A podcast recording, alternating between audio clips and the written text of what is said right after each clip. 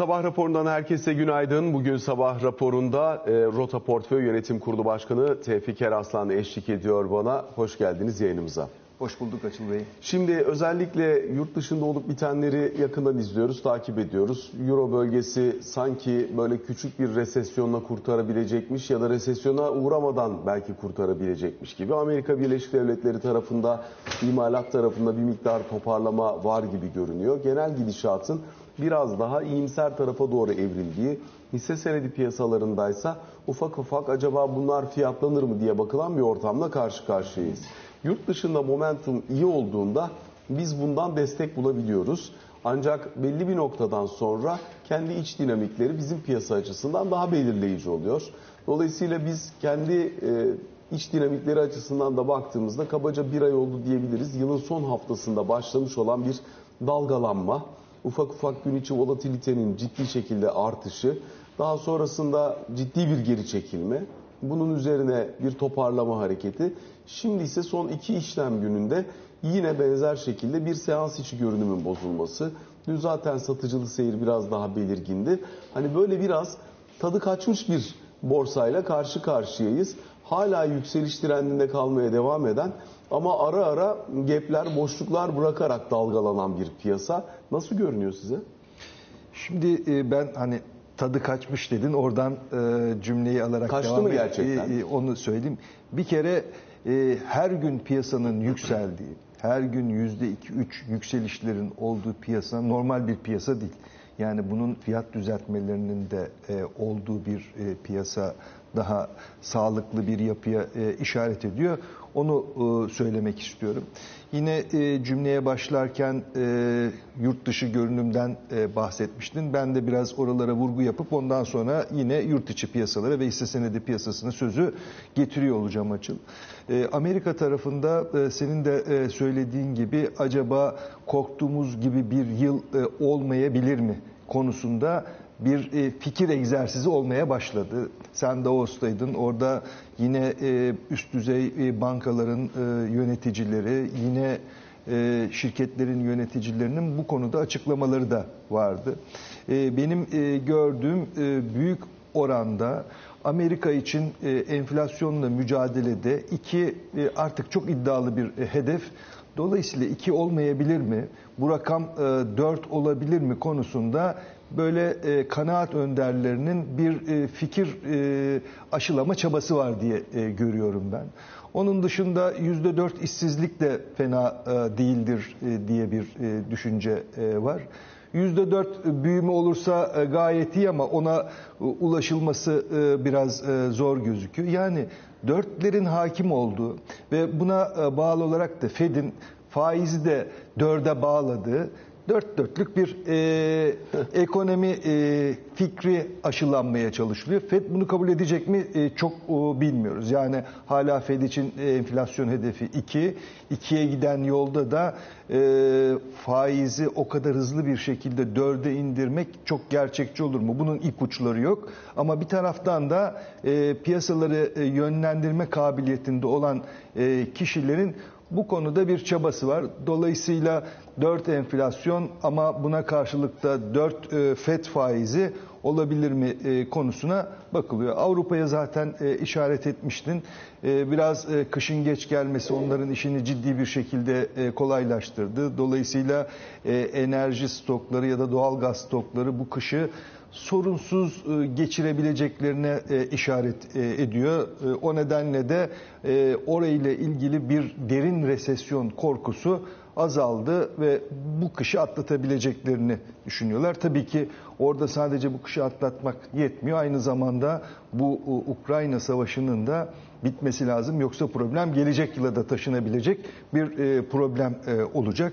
Ama piyasaya bakanlar, ondan sonra piyasanın içindeki kişiler bunu görmekten ziyade daha kısa vadeli e, bu seneki e, enerji işini hallettik. Dolayısıyla da çok büyük bir problemle karşı karşıya değiliz tezini satın almayı tercih ediyorlar. Bizim tarafa geldiğimizde e, piyasada bir miktar e, volatilite oldu. Seçimlere yaklaşırken bunun dozunun bir miktar daha artmasını e, bekliyoruz e, açıl. E, diğer taraftan tabii makro açıdan da Türkiye bir takım dinamikleri yönetmekte önümüzdeki günlerde zorlanıyor olacak. Çünkü mesela ihracatçılardan da e, turizmcilerden de özellikle kurla ilgili bu kurla biz rekabet edemiyoruz yönünde çok ciddi bir, e, bir e, şey var, serzeniş var. Orada bir enstrüman geliştirilecek anladığımız kadarıyla ama nasıl bir şey olacağını bilmiyoruz. Yani muhtemelen çalışılıyor şimdi karşılıklı. Yani e, bir kere şunu anladık. Yani Ankara bu gelen talepleri makul görmüş, çalışılabilir görmüş, hak vermiş.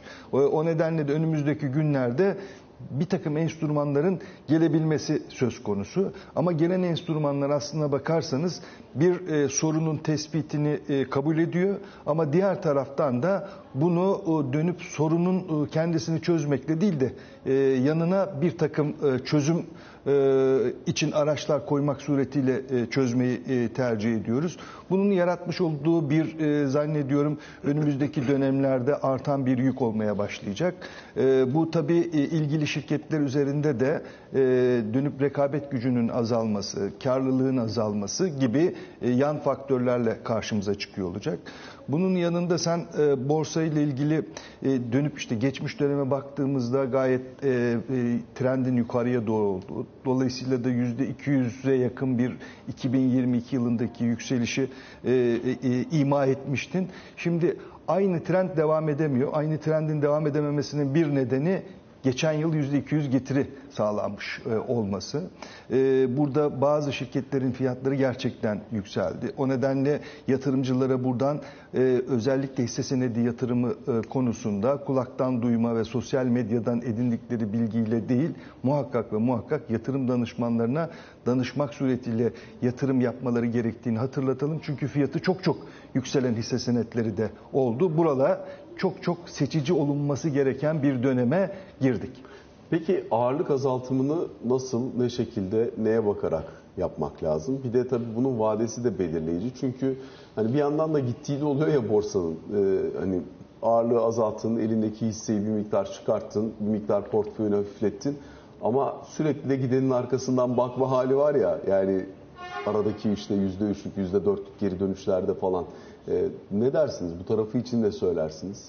Ee, Bir kere bir momentumun olduğunu kabul etmek e, lazım. Ee, Dolayısıyla bu momentum hızlı bir şekilde e, fiyatların e, yükselmesine vesile oluyor. Şunu da kabul etmek lazım. Türkiye borsası ortalama FK olarak 6 civarında ve bu diğer gelişmekte olan ülkelere göre çok ciddi bir iskonto anlamına geliyor. Ee, Yüzde 40 ile 50 arasında bir e, iskonto diyebiliriz ya da hani genel doğruyu söylersek 30'un üstünde bir iskontomuz her ülkeye karşı neredeyse e, var e, diyebilecek e, durumdayız. E, Onun yanında yine FK e, ortalaması olarak tarihsel ortalamaları Türkiye'nin kendi tarihsel ortalamalarının da oldukça altındayız. Burası da e, borsa genel olarak çok pahalı değil diye bir yorum yapmamızı da kolaylaştırıyor. Ama biraz önce söylediğim doğruyu da değiştirmiyor. Bu 500'e yakın e, şirketin hissesinin olduğu bir borsamız var ve burada artık çok pahalı olanlar da var. Dolayısıyla burada seçici e, olmakta e, fayda var. E, İlk etapta yapılması gereken şey e, bence e, ağırlıkları düşürmek değil ama e, dönüp çok çok pahalı olanlardan fiyatı biraz daha makul olanlara yönelmek. Betası biraz daha düşük hisse senetlerine gidiyor olmak. Bir de biz önümüzdeki dönemi e, yeni e, ekonomi programı ile birlikte iç piyasanın canlı olacağı bir piyasa diye görüyoruz. Dolayısıyla iç talebe yönelik olarak çalışan e, şirketlerin e, hisselerinin biraz daha revaçta olacağı bir dönem diye ben e, önümüzdeki dönemi e, öngörüyorum. Bunlara e, dikkat ederek hisse senedi seçimi yapmanın faydalı olacağını değerlendiriyorum. Şimdi fiyat kazanç oranından bahsettiğiniz için burada iki tane sorun var. Bir tanesi özellikle şu anda gelişen piyasalara muazzam bir teveccüh var. Bize gelmiyor. Gelmesi de pek mümkün değil şu anki ortamda. Sebebi bizim yurt dışına Türk lirası vermememiz. E, swap kanalının kapalı olması ağırlıklı olarak. Dolayısıyla hani diğer ülkelere göre daha iskontolu işlem gören Türkiye piyasası oralara kaynak girişi devam edecekse daha iskontolu hale gelme potansiyeli barındırır mı? Yoksa içerideki kaynak girişi burayı beslemeye yeter. Dolayısıyla e, burada daha dengeli bir gidişat söz konusu olur. Bu iskontoyla devam mı edilir? E, bu sarının e, yanıtı aslına bakarsan e, sen de ifade ettin. E, yurt dışından e, çok hızlı bir kaynak gelişiyle e, buradaki iskontonun kapanacağını söyleyebileceğimiz bir ortamımız şimdilik yok. O nedenle e, bu için iç kaynağa bakıyor olmak lazım. İç kaynakta da bireysel yatırımcılar geçmiş dönemde olduğu kadar buraya teveccüh edecekler mi? Rakam e, yatırımcı sayısı 1 milyondan 4 milyona gelmişti. Bu mesela 2023 yılında 4 milyondan 5 milyona e, gider mi sorusunun e, yanıtını da vermek gerekiyor. Burada seçime kadar olan süreçte yine e, piyasalarla ilgili ve makroekonomiyle ilgili uygulanan programın değişmeyeceğini öngörüyoruz. O nedenle alternatif olabilecek yatırım araçlarında borsadan paranın o tarafa yönelmesini gerektirecek bir dinamik öngörmüyoruz. Ee, bu da 3-4 aylık bir e, dilim. Dövizin yine e, şimdiki gibi yataya yakın ya da e, enflasyonun biraz daha altında değerlendiği bir durum. Yine enflasyonla TL faizleri kıyasladığımızda enflasyonun bir miktar daha altında TL faizinin olduğu durumu öngörüyoruz. Bu tabii ki hisse senedini alternatif yatırım araçları bakımından kıyasladığımız zaman iyi bir noktada tutuyor. Ama yine aynı noktaya geliyoruz. Çok bağlı olan hisse senetleri için bu durum e, geçerli değil. Dolayısıyla yatırımcıların muhakkak ve muhakkak 2023 yılında seçici olmaları lazım. Bir de ben şunu çok net olarak görüyorum yatırımcılarda. Şirketin ekonomik aktivitesiyle, karıyla, cirosuyla, pazar payıyla, gelecek dönemde yapabilecekleriyle ilintili olmayan bir hisse senedi fiyatının olabileceği düşünülüyor. İnanın bu e, devam ettirilebilir bir şey değil. Muhakkak günün birinde ekonominin gerçekleri çalışır. Dolayısıyla yatırımcıların buna çok çok dikkat ediyor olması gerekir açıl. Peki %30'lardaki mevduat faizi bir e, rekabet alanı mıdır borsa için şu anda? Ee, burada son dönemde faizler e, hatırlarsın 17'den neredeyse 30'lara yakın bir noktaya doğru geliyor. Artık 25-30 aralığında TL'ye faizlerin verildiğini e, duyuyoruz. E, 17'ye göre daha rekabetçi bir TL faizinin olduğunu kabul etmek lazım. E, ama diğer yatırım araçlarından paranın çözülüp TL mevduata yönelmesini teşvik edecek kadar da güçlü olduğunu ben düşünmüyorum. Ama bu artış önümüzdeki günlerde devam ederse e, bu takdirde e, yatırımcılar e, TL faizin cazip olduğunu düşünebilirler. Çünkü bunun bazı emarelerini de görüyoruz. Özellikle kur korumalı mevduatta ilk önce yatırımcılar ne yapmışlardı? Çünkü dolardan TL yani kur korumalı mevduata geçmişti. Şimdi kur korumalı mevduatta da verilen faiz düşük. Kurda nasıl olsa çok aşırı değerlenmiyor. Ben burada kalacağıma dönüp TL mevduatlarda paramı değerlendireyim diyen yatırımcılar olmaya başladı. Bu biraz da sağlıklı bir geçiş olabilir mi? Bunu da sorayım size. Çünkü yani sonuçta siz kanun koyucunun yerinde olsanız, devleti yönetenleri yerinde olsanız, geçen sene çok yoğun bir e, kur baskısının oluştuğu dönemde çıkartılmıştı kur korumalı mevduat. Bir noktada kendini yavaş yavaş tasfiye etmesi ya da hafifletmesi yükünü beklenir. O açıdan da soruyorum. Şimdi hazine karşı taraflı işlemler ağırlıklı olarak vatandaşların ellerinde dövizi yokken e, buraya para koyup dövizdeki yukarı potansiyeli satın aldıkları yerdi. E, şimdi buradaki faiz 12'ye düşmüş durumda. Cazibesi azaldı çünkü 30 e, mevduat faizi var. Üstüne üstlük de e, bir taraftan kurda nispeten stabilize olmuş durumda. Dolayısıyla hani bu biraz daha kendini ufak ufak tasfiyeye doğru götüren, tasfiye değilse de en azından azalış e, ile yükünü azaltmaya götüren bir süreci besleyebilir mi, destekleyebilir mi? Çünkü Merkez Bankası karşı taraflı işlemler belli ki kalacak ama özellikle hazine karşı taraflı işlemlerde belirgin bir azalış yaşanabilir mi, beklenir mi böyle bir şey? Ee, burada e, özellikle KKM'nin devlet tarafında bütçe üzerinde ciddi bir kur riski e, yarattığını görüyoruz. İşte kabaca 1.4 e, trilyon TL büyüklüğünde bir KKM'miz var. Bu rakamdan ya da devletin üstlendiği bu riskin tedricen zaman içerisinde azaltılabilmesi için iyi çıkış yollarından bir tanesi. TL mevduatın cazip hale gelmesi, yatırımcıların dövize yönelmeden TL mevduatı cazip bulup kendi kararlarıyla o tarafa doğru yöneliyor olmaları. Dolayısıyla elimizde bir e, e, strateji ve bir e, exit ile ilgili araç varmış gibi duruyor. Bu biraz daha efektif kullanılabilirse Zannediyorum e, önümüzdeki dönemin potansiyel risklerinden bir tanesinden de daha ılımlı e, yabancıların soft landing dediği şekilde e, çıkış yapabilme imkanımız da olabilir. E, buradaki aracı çok dengeli e, kullanması gerekecek ekonomi yönetiminin önümüzdeki dönemde. Peki o zaman bir de şunu sorayım. Mevduat faizi 30'a geldiyse bu aslında aslında de facto bir faiz artışı demek. Piyasada e, bir getiri e, imkanı sağlandığı anlamına geliyor. E, bono faizlerine baktığımız zaman oralar işte 9'lar 10'lar civarında kalmaya devam ediyor. Mevduat faizi buraya gelmiş. Şimdi bankacılık sisteminde şu an itibariyle ana fonlama kaynağı hala mevduat.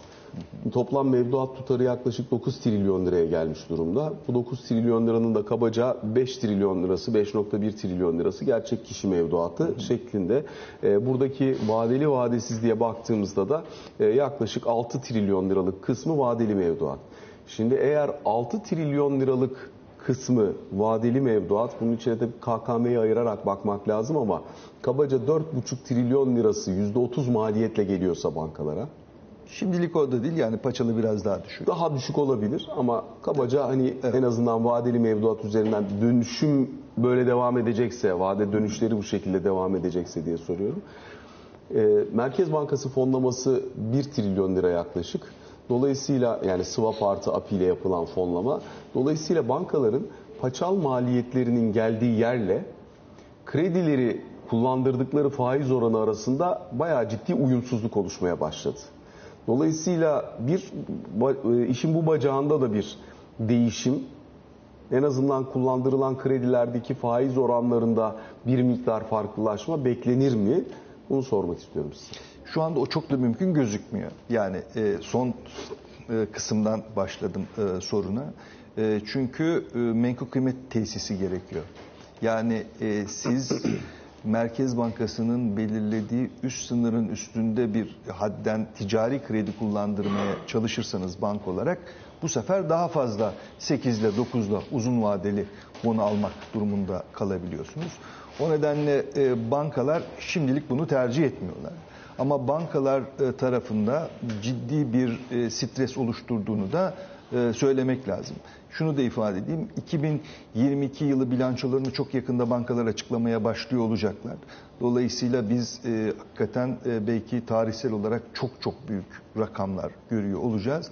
Ama biraz önce konuştuğumuz konular nedeniyle de 2023 yılı ilk çeyrek karının 2022 son çeyrek karından nominal olarak yukarıda olamama riski de var bankalar açısından. Ee, biraz önce sen ifade ettin artık e, mevduat faizi bazı durumlarda kredi faizinin altında e, olabiliyor.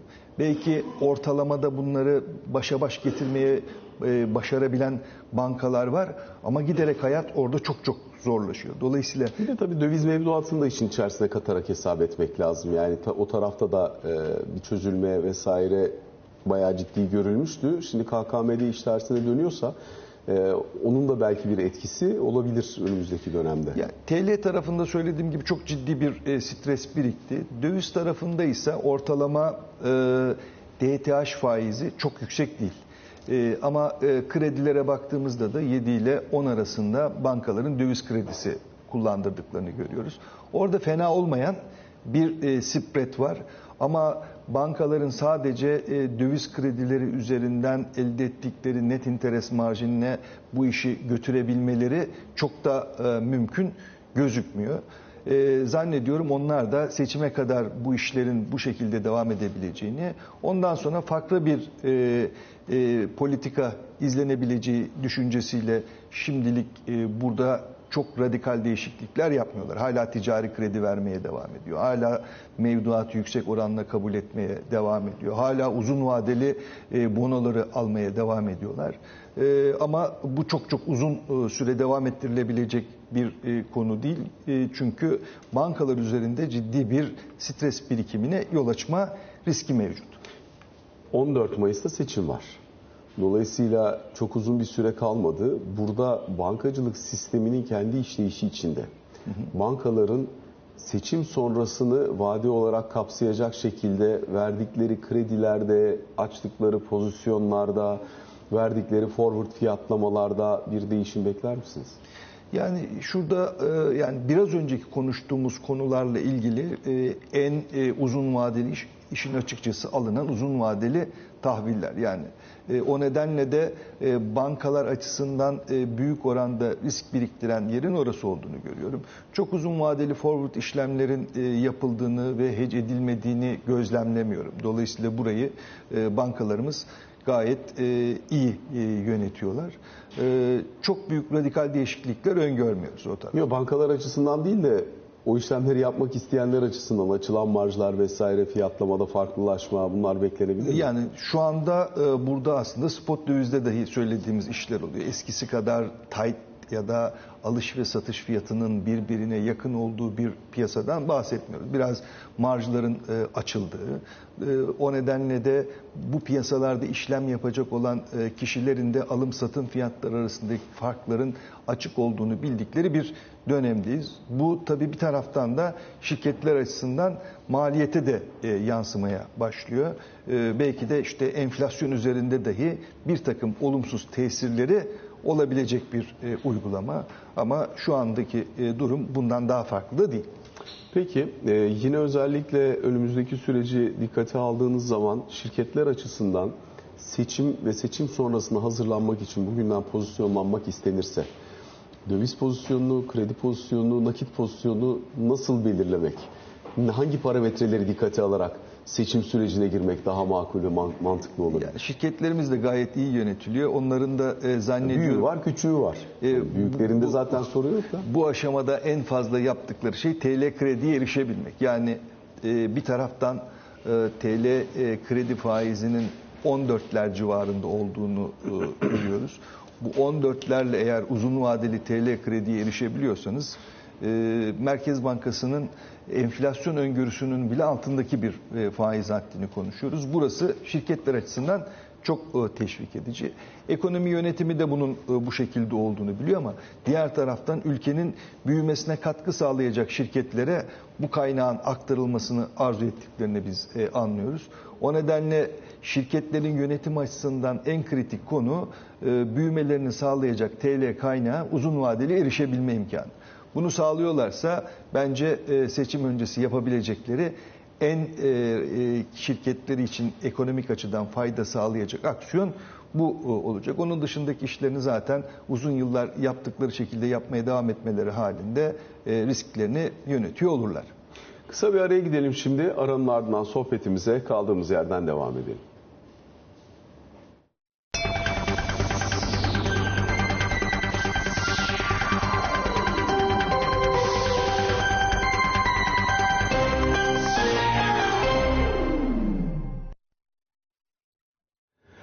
Sabah raporunun ikinci bölümüyle karşınızdayız. Tevfik Aslan'la sohbetimize kaldığımız yerden devam ediyoruz. Bu bölümde biraz borsa ağırlıklı konuşmak isterim. Özellikle halka arzlar ve halka arz fiyatlamaları üzerine değerlendirmenizi almak isterim.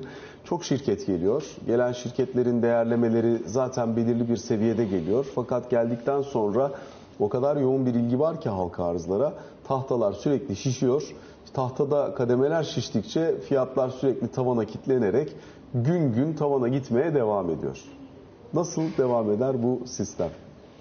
E, halka arz e, dediğimiz zaman nasıl arka tarafında bir e, sürecin çalıştığını belki e, bugün izleyicilerimize e, anlatmak. Ondan sonra da borsaya açılan, halka açılan bir e, şirketin fiyatının e, nasıl yükselmeye devam edebileceğiyle de devam ederiz. E, bir e, şirketin sahibinin olduğunu düşünün. SPK'ya göre halka açılmakla ilgili bir takım kriterleri o şirket yerine getirmişse ilk önce bir aracı kuruma başvuruyor. Ben şirketimi halka arz etmek istiyorum diyor. O aracı kurumla birlikte bir çalışma yürütülüp orada da halka arz fiyatı konusunda aracı kurumla elde sıkışmaları gerekiyor belli bir fiyat üzerinden. Bunu yaparken de şirketin bütün finansallarına, gelecek dönemdeki e, karlılık beklentisine, pazar payına ve yatırımlarına da ilgili aracı kurum bakıyor. Bir fiyat tespit e, raporu ile birlikte kurula başvuruluyor. Kuruldan izin alındıktan sonra halka arz e, süreci e, e, çalışmaya başlıyor. Burada en kritik konu şirketin sahibinin e, kendi şirketiyle ilgili e, değeri konusunda nasıl bir fikrinin oldu? Yani o şirketin e, fiyatının, değerinin ne olduğunu, ne olabileceğini en iyi bilen kişi herhalde şirketin sahibidir. Dolayısıyla kaynak ihtiyacı olduğu için bu değerin belli bir miktar altında halka arz yapmaya da razı olmuş olabilir. Ama borsada halka açıldıktan sonra bu iskontonun çok üzerinde iki katına, üç katına, dört katına çıkan şirketler oluyor. O zaman şu soruyu sormak gerekiyor. Bireysel yatırımcı şirketin sahibinden daha fazla şirketin değerini ne edebileceği konusunda fikre sahip. Bunun olma olasılığı var mı diye ben sana sorayım. Bu da çok zor bir olasılık. Yani e, olabilir ama e, %10 daha fazla olur, %20 daha fazla olur. Şu ama 4 potansiyeli kat, gördüm 5 öyle kat, oldu. 10 kat e, olması oldukça zor. O nedenle yatırımcıların halka arzdan sonra böyle e, misliyle fiyatları artmış olan hisse senetleri konusunda muhakkak daha fazla araştırma yapmaları lazım. Bu fiyat artışının arkasında yatabilecek temel bir gerekçesinin olup olmadığını da öğrenmeleri gerekir. Bunu nasıl öğrenebilirler peki? Yani şimdi tabii her şirketi bir incelemek, bir bakmak, nereden nereye geldi, araştırmak falan lazım. E, son örneklerden bir tanesi olduğu için herhalde isim vererek de konuşmakta beis olmaz. Çünkü e, geçen sene 12 Ocak tarihinde Ulusay, Ulusoy'un e, Sökeoğlu satın aldı. Satın alma fiyatı 180 milyon lira. Bugün halka açıldıktan sonraki halka açılmadaki piyasa değeri 3,5 milyar lira. Şu anki piyasa değeri 6 milyar lira. Geçen sene bu zaman 180 milyon liraya satın alınmış olan şirket. Elbette her şey değişebilir, o olabilir, bu olabilir. Biraz özellikle halka arz sonrasındaki fiyatlamanın geldiği yeri tartışmak ve boyutunu gösterebilmek adına isim vererek de konuştuk ama bunun sebebi hakikaten yatırımcılara örnek olarak gösterebilmek. O yüzden sizin yorumunuzu da merak ediyorum. Ee, Burada yatırımcıların e, konuyu anlamalarına yardımcı olmak için ilk bakacakları, e, referans alacakları belge fiyat tespit raporu olabilir. İnternette açık kaynaklarda ilgili şirketin fiyat tespit e, raporunu okuyabilirler. E, Orada e, bununla ilgili bir e, gerekçenin e, bulunduğu konusuna ikna da olmaları gerekiyor. Yani bir yıl önce 180 milyon TL'ye alınmış olan bir şirket işte 3 milyar TL'ye yakın bir fiyattan halka arz ediliyor ve bunun değerinin böyle olabileceğini yönelik olarak da uzmanlar tarafından yazılmış bir rapor var. Bir kere bu rapor SPK'da da görmüş, onlar da onaylamış. bu, bu raporun bir kere yatırımcı tarafından ikna edici olması lazım. Ondan sonraki süreç de tabii ki ilginç. Yani 3 milyara yakın bir TL'den halka arz ediliyorsunuz ama e, ondan sonra da fiyatınız her gün tavan nedeniyle şimdi 6 milyar TL'nin de üstüne en son hatırladığım 6.8. 6.8 milyar TL'ye gelmiş. E, Buna da bir gerekçe bulmanız lazım. Yani bu şirket neden 3 milyar TL'den 6,5 milyar TL'ye gelmiş? Aktivitesinde bir değişim olmuş mu? Karlılığında bir değişim olmuş mu? Ee, üretiminde bir farklılaşma olmuş mu? Teknolojik bir yenilik sayesinde çok daha katma değeri yüksek bir ürün yapmaya başlamış mı? Bunlar e, bu soruların yanıtı evetse o zaman yatırım yapmaya devam edebilirsiniz. Ama sorduğunuz soruların yanıtı evet değil, hayır. Ama yatırım gerekçeniz de sadece bu kağıdın fiyatı yükselmeye devam ediyor. Ben de buradaki e, yükselişten, momentumdan yararlanmak, e, e, faydalanmak istiyorumsa o zaman dikkatli olunması gerekir. Bunu birçok farklı hisse senedi için söyleyebiliriz. Yenilenebilir enerji tarafındakiler içinde, diğer e, momentumdan faydalanarak yukarı gidenler içinde. O yüzden selektif olmak lazım dediniz ya, o selektif olmayı nasıl başarabilecek yatırımcılar? Özellikle finansal okuryazarlıkları da düşük olan bu kadar yoğun bir kitle gelmişken o açıdan soruyorum. Yani e, biraz önce bahsettiğimiz e, şirket ve o şirketin hisse senedi tek örnek değil. Yani fiyatı böyle misliyle artan birçok şirketimiz var. Bunların e, belki de iyi- doğrudur, biz bilmiyoruzdur ya da hani bir başkası biliyordur. Onu bilmiyorum ama hani ya da o değeri görüyordur. Bu şirket özelinde söylemiyorum, diğerleri için de söylüyorum. Ya da hikayesi vardır, kaynak girişi vardır, momentumu vardır, gelebilir de geldiği yer doğru yer mi en azından onu sorgulamak açısından insanlara o sorgulama enstrümanını sağlamak maksadı. Yani ben de burada zaten fiyatı doğrudur yanlıştırla Tabii. ilgili bir e, tespit yapmadım. Sadece e, doğru sorular nelerdir? bu e, doğru soruların karşılığında hangi yanıtın alınması gerekirle ilgili e, cümle e, kurmuştum. O nedenle buna benzer diğer şirketlerde de bu soruların aynısını yatırımcıların sorabiliyor ve doğru kaynaktan e, bu e, sorulara ilişkinde yanıtları alabiliyor olması lazım. Bu yanıtları aldıktan sonra hala fiyatın makul olduğu yönünde de bir kanaati varsa yatırım yapmaya devam edebilir. Bunda bir bahis yok. Ama bu e, doğru soruları sorabilecek durumda değilim. Bu soruları sorsam bile güvenilir bir kaynaktan bu sorulara yanıt alabilecek durumda da değilim diyorsanız o zaman doğrudan hisse senedi yatırımı yapmak yerine yatırım fonları aracılığıyla yatırım e, yapmak çok daha e, rasyonel olacaktır. Burada neyi yapmış olacaksınız? Bir sorduğunuz soruları rasyonel olarak sorabilen uzmanlar zaten o yatırım fonlarını yönetiyorlar. E, o nedenle sizin adınıza bu soruları o kişiler zaten sormuş olacaklar. Diğer taraftan yatırım fonlarında e, sermaye piyasası kurulu mevzuatına göre zaten bir e, çeşitlendirme yapmak zorundasınız. Bu çeşitlendirme nedeniyle de belli hisselere odaklanılması, onlardan çok yüksek e, oranlarda taşınması da mümkün olmadığı için o çeşitlendirme de sizi belli oranda e, koruyacaktır. O nedenle bu sorulara soramıyorsak, doğru yanıt bulamıyorsak yapacağımız iş yatırım fonları aracılığıyla yatırım yapmak olmalıdır. Açın. Bu arada Momentum'un hisseleri nereden nereye taşıyabildiğine çok güzel örnekleri biz son 2-3 yıl içerisinde dünyada da gördük. Mesela 75-80 milyar dolar piyasa değerinden Tesla'nın piyasa değeri 1.2 trilyon dolara kadar gitti. Şimdi ne kadar 450 e, milyar dolar seviyesinde. Dolayısıyla hani momentum başladı mı, kaynak akımı geldi mi fiyatlamalar inanılmaz yerlere gidebiliyor. Oralarda kalabiliyor. Doğru. Gerçek değer hesabı her zaman tam olarak tutmaya da biliyor. Ama bir yerde aslına doğru rücu ettiğini görmek lazım herhalde. Yani zaman e, bu tip e, soruların yanıtının doğru bir şekilde e, anlaşılmasını e, sağlıyor. Diğer taraftan şu da mümkün.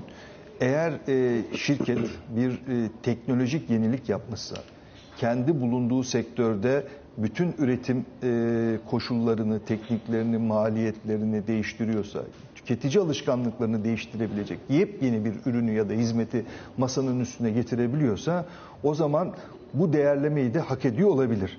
E, Dolayısıyla yatırımcının şirketin ne ürettiğine, kime sattığına, burada değişiklik yapıp yapamadığına da bakıyor olması e, gerekir. Bunlar varsa o zaman e, bu e, fiyatlamalar ya da Tesla gibi yeni teknoloji getiren ve büyüme kapasitesi olan şirketlerin bu modelle fiyatlaması mümkün olabilir. Ama çok konvansiyonel bir iş yapıyorsanız, e, üretiminiz e, zaten yıllardır hep aynıysa, kar marjınız sadece enflasyona ve konjektüre göre belli bir oynaklığa sahipse, e, o zaman dönüp Tesla gibi fiyatlama modeline geçmek çok da doğru olmayabilir.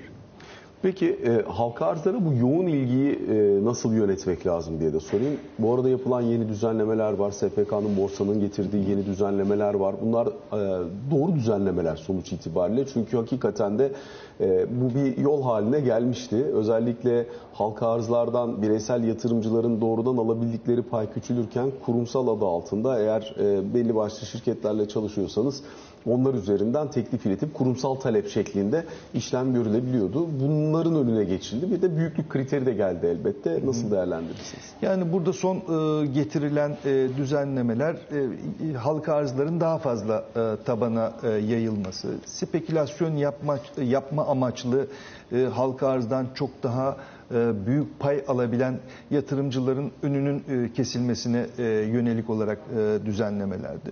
Genel olarak e, e, önümüzdeki dönemde ortaya çıkabilecek potansiyel riskleri e, azaltmaya yönelik olarak kurulun aldığı kararlar diye ben e, görüyorum.